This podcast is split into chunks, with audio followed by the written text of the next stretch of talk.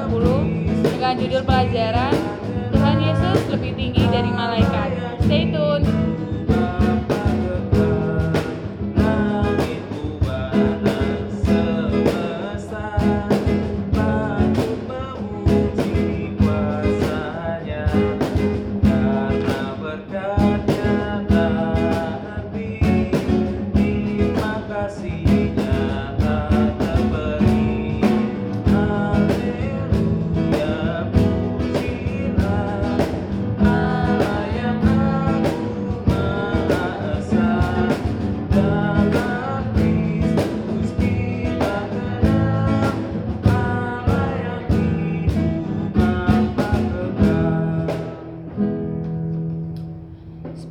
Sebelum kita masuki materi HMPT pada hari ini, sebaiknya kita menyiapkan Alkitab dulu dari Ibrani pasal 1 ayat 1 sampai 4. Kakak ulangi lagi ya. Ibrani pasal 1 ayat 1 sampai 4. Apabila sudah ketemu,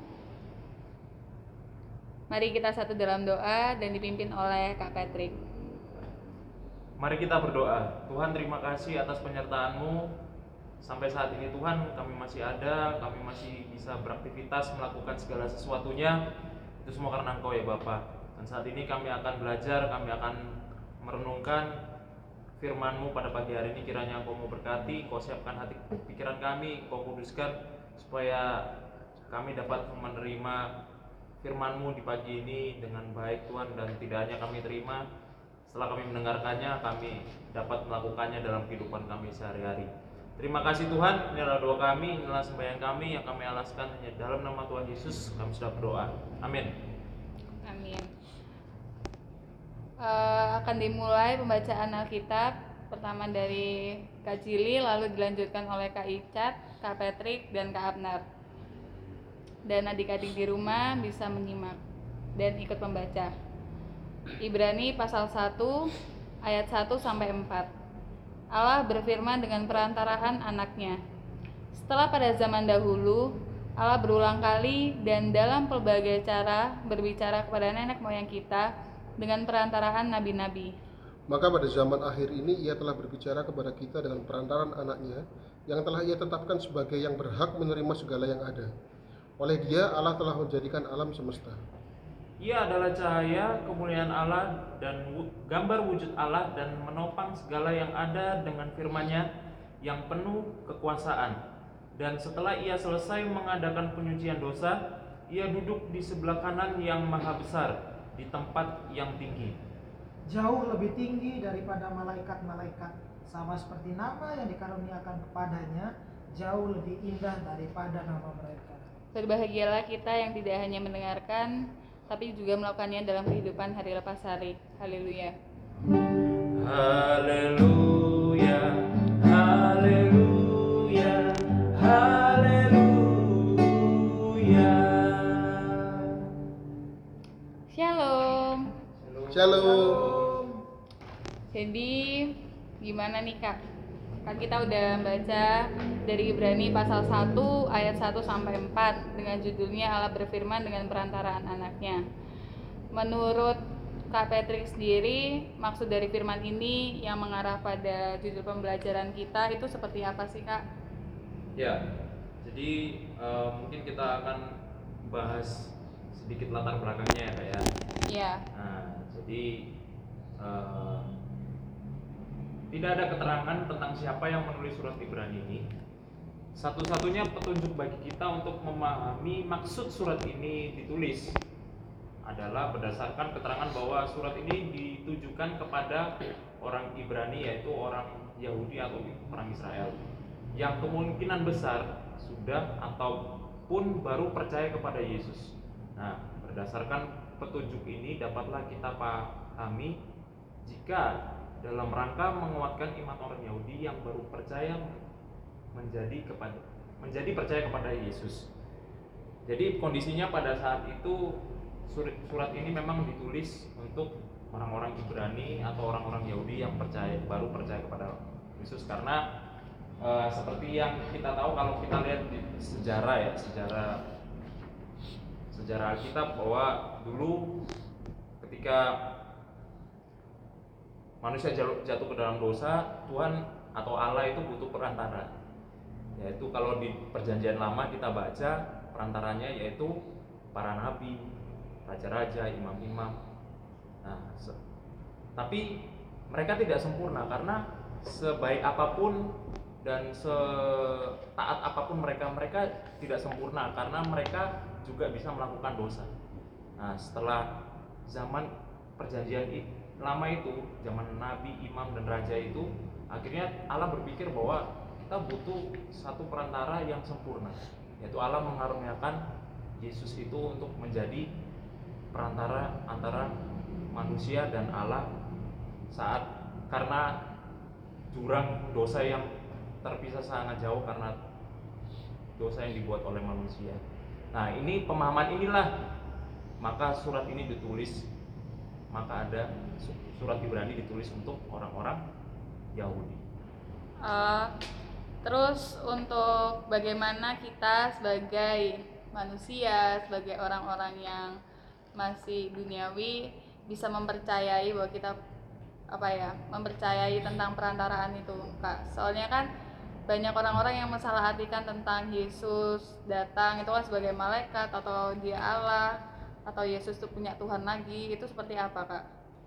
Ya, kalau kita baca di Perjanjian Baru banyak ya sekali eh, banyak sekali pengakuan yang Yesus katakan namanya mengenai status dirinya.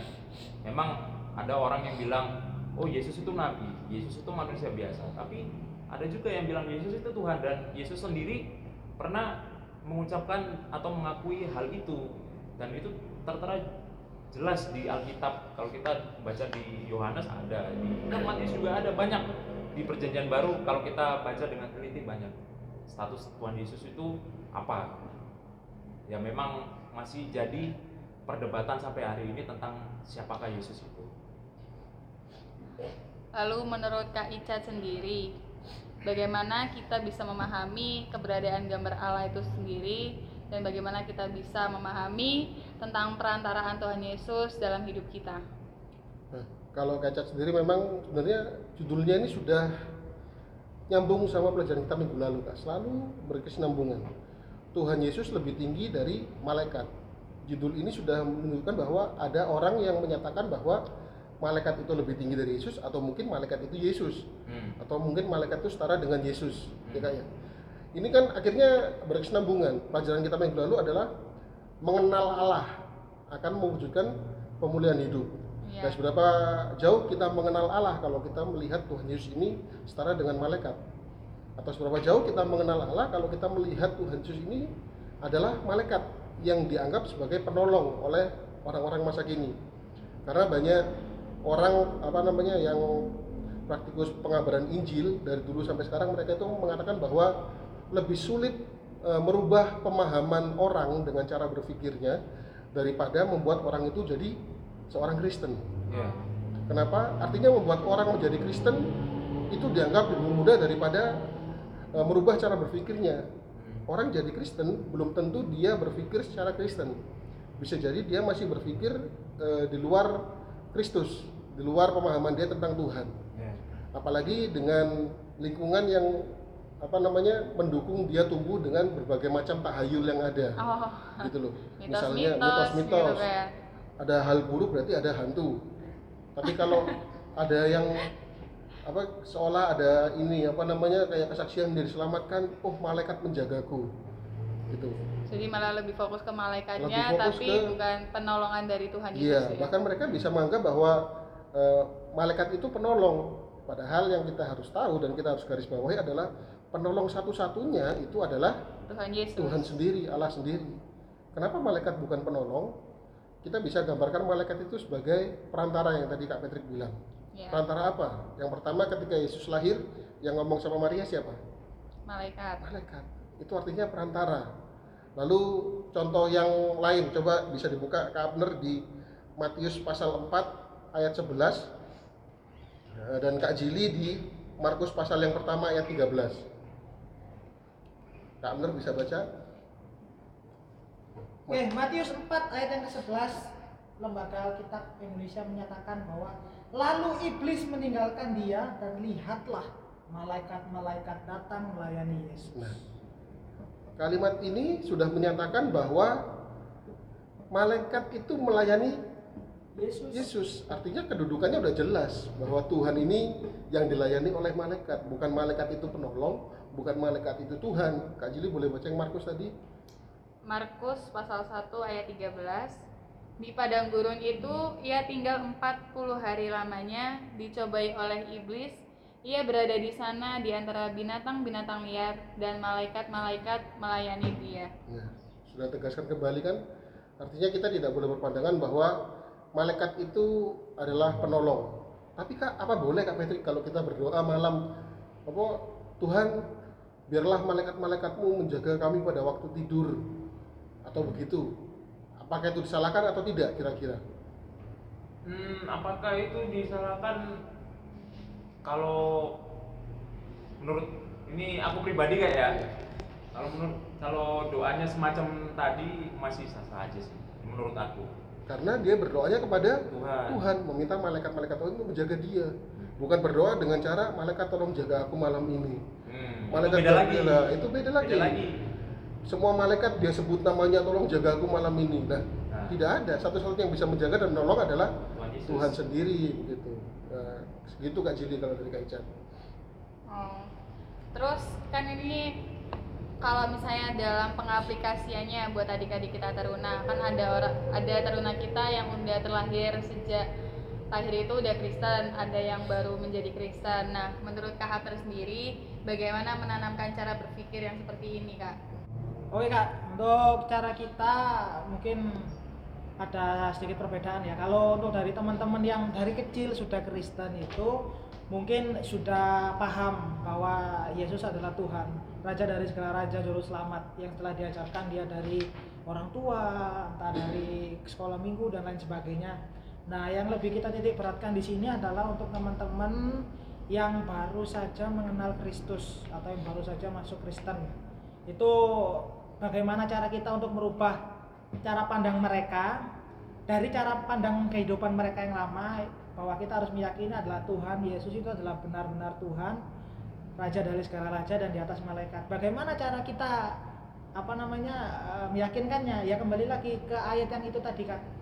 Kita tunjukkan tadi dari Matius tadi serta dari Markus tadi itu dasarnya seperti ini. Di situ menunjukkan bahwa malaikat yang melayani Tuhan.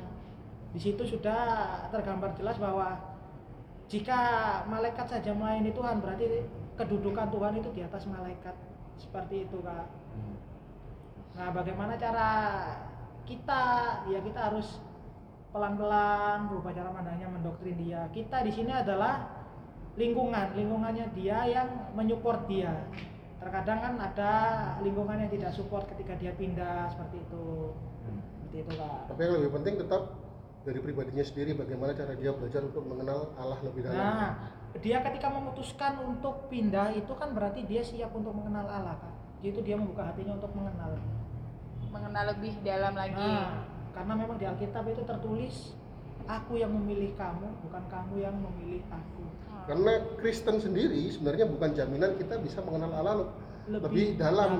atau tiba-tiba jadi Kristen terus jadi mengenal Allah banget gitu. Nah. Selalu ada proses belajar karena karena Allah itu adalah sesuatu yang tidak terbatas kan. Hmm. Jadi bagaimana kita bisa mengenal Allah lebih dalam? Ya dengan Ada- cara yang sangat-sangat sebenarnya artinya berat kayak Berat. kita nggak bisa menyelami kedahsyatan Tuhan seperti apa tapi yang perlu kita garis bawahi lagi kak bahwa Allah sendiri atau Yesus sendiri adalah anak Allah pada saat Yesus dibaptis masih ingat ceritanya nggak Masih. pada saat Yesus dibaptis ada kata dari surga yang mengatakan apa kak Pet? Inilah anakku yang kukasihi, kepadanya lah aku berkenan. berarti Yesus bukan malaikat Beda. Inilah anakku yang kukasihi kepadanya lah aku berkenan. Nah kalau kita konteksnya berbicara tadi sudah kita sudah bedakan antara malaikat dengan uh, Tuhan Yesus sendiri kayak ini kita Iya. sudah paham. Lalu apakah kita ini sebagai manusia bisa menjadi Malaikat. malaikat-malaikat masa kini kak? Dalam tanda kutip Kak ya. Dalam tanda Malaikat kutip. dalam tanda kutip. Tanda kutip, tanda seru, tanda tanya. Malaikat Tanda- tanda. bersayap. Karena kan akhir-akhir ini banyak lagunya kak. Apa itu? Malaikat juga tahu. Masnya Glenn Bradley ya? Bukan dong. Ya, pertanyaannya tadi apakah kita bisa menjadi malaikat dalam tanda kutip malaikat di masa kini ya kak ya? Iya. Bisa dong, sangat bisa. Dalam arti menjadi penolong bagi sesama ya kak ya. Iya. Tanpa membedakan siapa pun dia, latar belakang dia, kita harus bisa menjadi eh, penolong bagi sesama. Jadi kalau kita bisa menjadi penolong bagi sesama itu sama saja kita menjadi terang di mana pun kita berada. Kita menyebarkan kasih Kristus di mana pun kita berada tanpa membedakan siapa pun karena Tuhan menghendaki seperti itu tidak hanya ke sesama orang yang percaya Hmm. saja kayak Betul, gitu kan Gambaran malaikat juga bukan selalu yang bersayap, Tak bersayap, ya. tak cemerlang. Kan ada lagunya juga. Tak. Ah. Nah itu kan Itu yang barunya ikan kak Ica. malaikat masa kini. Malaikat masa kini kita yang dalam tanda kutip menjadi malaikat yang menolong orang lain, bisa membantu satu sama lain. Mungkin lebih eh, gamblangnya, gampangnya kita jadi perantara pertolongan Tuhan Pertolongan kepada orang-orang lain. menjadi media ya. Jadi media. mediasi Kita mediatornya Mediator. dong. Mediator. Itu mediasi Tuhan dengan jemaatnya. Kita mediatornya. Ah. Misalnya nih, Pak Jili sedang dalam kesusahan. Mm-mm. Kak Abner datang untuk membantu. Artinya Kak Abner ini kan perantara Tuhan untuk menolong Kak Jili gitu. Penolongnya tetap satu, siapa? Tuhan Yesus Tuhan sendiri gitu loh. Betul. Kalau Kak Jili tiba-tiba menganggap Kak Abner, aduh Abner adalah penolong yang baik bagiku. Wah, Wah, jadinya nanti penolong yang sepadan dong Kak. itu perlu dirubah lagi cara pikirnya nanti. Penolong yang sepadan itu kan kayak Adam dan Hawa itu kayaknya. Iya. Oke, sampai situ Kak Jili ada lagi? Ah, mungkin cukup Ah, apa ada tambahan closing statement Closing statement. Tentang judul pelajaran kita kali ini tentang Tuhan Yesus lebih tinggi dari malaikat supaya lebih meyakinkan adik-adik dan para pendengar materi IHMPT kali ini kak dari Kak Icat, Kak Patrick, sama Kak Abner ada yang mau disampaikan? Kalau dari Kaica tetap Yesus itu adalah anak Allah yang jelas lebih tinggi kedudukannya daripada malaikat-malaikat. Karena itu nggak ada alasan bagi kita semua ini kak untuk minta tolong atau penjagaan dari malaikat. Selagi kita bisa minta tolong sesuatu secara langsung kepada Tuhan dengan cara berdoa. Ingat berdoa kepada Tuhan bukan kepada malaikat. Meskipun malaikat itu kudus, bukan berarti kita harus berdoa Gabriel tolong aku nggak begitu juga dong ya. Loh. Kak Patrick, ya mungkin eh, itu aja sih cukup Kak Abner, Kak Patrick sudah mewakili, mewakili apa cukup. oh. Oke, jadi materi IHMPT kita selesai sampai sini ya kak. Sebenarnya nggak panjang banget kayaknya. Mau dibikin panjang lagi? Soalnya ini materi terlalu berat nanti takutnya kita Iya. salah-salah penyampaian Kita kan bisa nanti. sederhanakan saja pemahamannya. Ya, sederhanakan Kita sederhanakan. Ingat teman-teman ya, karena teman-teman ini termasuk Kak Ica dan kakak-kakak semua ini kan tinggal di Indonesia. Artinya tinggal dalam lingkup suasana atau cara berpikir yang turun-temurun dari orang tua bahwa hal-hal yang mistis itu bisa jadi pegangan hidup kita dulu tapi ketika kita mengenal Tuhan harusnya kita tahu bahwa kita bisa bedakan hal yang gaib belum tentu hantu Setan. Hantu atau setan? hantu atau setan Kak Ica ada satu ini kak untuk mengingatkan saja Iya, ingatkan Kak. Kenapa kita nggak harus berpikir seperti itu? Ada satu pendeta dulu pernah ngomong ini kak pada saat retreat katekisasi. Jadi pendeta itu bilang tanya sama anak-anak itu. Ketika kalian mendengar anjing melolong pada malam hari, yang kalian bayangkan apa? Ada setan lewat. Dia lihat setan. ya. Tetapi pendeta itu bilang begini, kenapa kita selalu mengaitkan itu dengan hal gaib yang buruk? Soalnya dari nenek moyang. dari nenek moyang. Kenapa kita tidak berpikir bahwa anjing itu melihat sang pencipta sehingga dia melolong, melihat eh, sesuatu yang menciptakan dia, melihat yang maha besar sehingga dia menolong, dia melolong. Kenapa kita selalu berpikiran bahwa anjing itu melihat hantu? Jadi, ayo kita rubah sama-sama. Jadi ingat, malaikat itu bukan penolong, penolong itu Tuhan. Oke? Kak Patrick, kita akan nyanyi satu lagu. satu buah lagu dari Kidung Jemaat 184 Yesus sayang padaku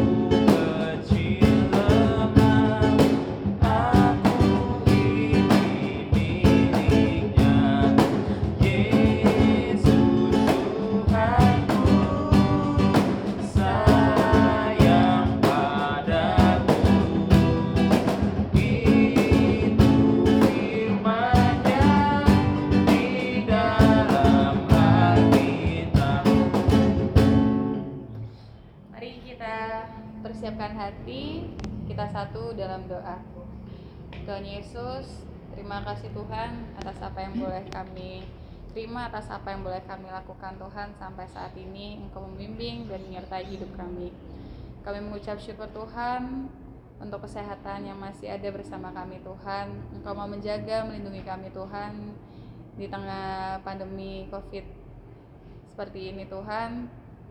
Engkau mau melawat orang-orang yang sedang kesusahan, Engkau orang-orang yang sedang sakit dan membutuhkan pertolongan.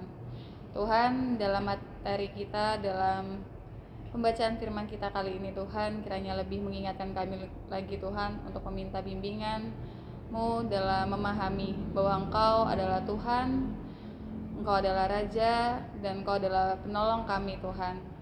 Kiranya kami bisa mengerti lagi Tuhan bahwa kedudukan-Mu jauh lebih tinggi daripada malaikat Tuhan, sehingga kami tidak lagi Tuhan memohon atau meminta pertolongan pada malaikat, meminta dan berharap pada manusia, tapi biarkanlah kami mengimani dan berpengharapan hanya pada Engkau saja Tuhan. Terima kasih Tuhan, Engkau mau membimbing hidup kami Tuhan. Inilah doa dan ucapan syukur kami Tuhan yang kami alaskan dalam nama Bapa, Putra, dan Roh Kudus yang telah mengajarkan kami berdoa. Bapa kami di surga, kuduskanlah namamu, Datanglah kerajaanmu, jadilah kehendakmu di bumi seperti di sorga. Berilah kami pada hari ini makanan kami yang secukupnya, dan ampunilah kami kesalahan kami, seperti kami juga mengampuni orang bersalah kepada kami. Dan janganlah bawa kami ke dalam pencobaan, tetapi lepaskanlah kami daripada yang jahat. Karena engkaulah yang mempunyai kerajaan dan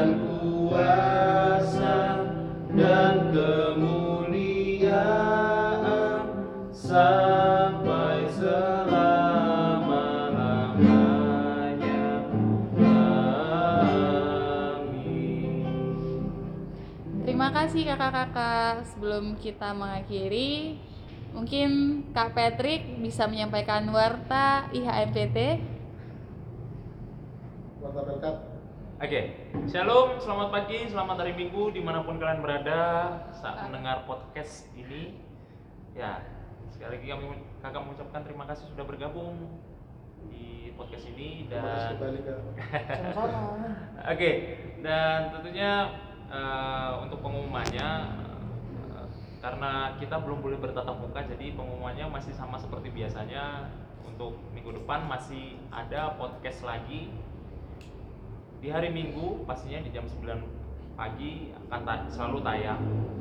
Dan tentunya untuk para adik-adik eh, stay tune terus dan tentunya tetap jaga kesehatan, tetap jaga kondisi, jangan lupa untuk selalu mematuhi protokol kesehatan sel- selama kalian pergi atau hangout sama teman mungkin. Hang out. Ya, Hang itu artinya gantung. rusak. Oh.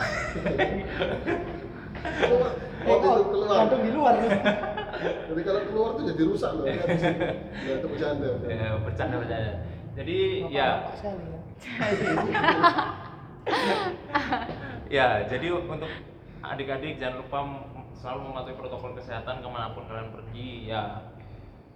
Karena ya kita da- dapat kabar bahwa pertanggal 12 kemarin eh, 12 Oktober. Oktober. Jadi penderita sudah semakin menurun kak. Amin, puji Tuhan. Jadi Puji Tuhan. tinggal 371 orang per tanggal 12 kemarin. Artinya penurunannya Surabaya signifikan ya. Ya signifikan. Di Surabaya aja itu ya Ya datanya. Surabaya. Jadi walaupun begitu kita nggak boleh lengah. Iya. Betul. Nah, jadi harus selalu mematuhi protokol yang ada. Karena memang vaksinnya juga belum ada, obatnya belum ada, dan yang bisa kena bisa kena lagi. Yang sudah jadi kena bisa yang kena. sudah kena bisa tertular lagi. Jadi untuk sementara tetap laksanakan protokol yang ada, masker, jaga jarak dan lain sebagainya. Tetap sehat, jangan lupa untuk makan makanan sehat yang bergizi, sayur-sayur jangan lupa, buah-buahan. Perhatian banget ya. Untuk kesehatan kalian juga ya. Untuk yang tidak suka makan sayur-sayuran, belajar makan sayur-sayuran. Ini kesempatan kalian untuk suka dengan sayur-sayuran. Belajar. tapi dipraktekin. Iya. Kak, aku ini sudah sidik nih kak. Aku udah sidik. Aku tip kak. Aku apa namanya eh, janji imanku aku mau melayani di PT. Aku harus bagaimana nih kak? Ya, untuk adik-adik yang ingin melayani di PT, ya nanti mungkin kita bisa hubungin lagi, lagi kayak ya untuk Kita tanya di grup aja ya. Nanti kita akan tanya di grup. Nah, Kita akan kasih kesempatan buat kalian, tapi bergantian ikut ambil bagian. Tapi mungkin yang bisa kita janjikan apa kak?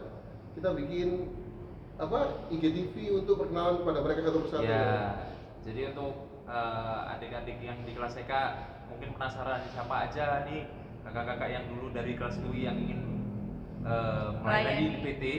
Jadi tetap stay tune terus di podcast dan IGTV-nya official PT Penil Surabaya. Asik. Masih ingat ternyata ya. Oh iya dong. Setelah sekian Official lama ya. underscore PT Penilai SBY kan. Oh iya. iya. Oke, sudah? Ada lagi? Sudah. Mari kita akhiri dengan menyanyikan Mars Taruna. Yang semangat. Kalian di rumah juga harus ikut nyanyi.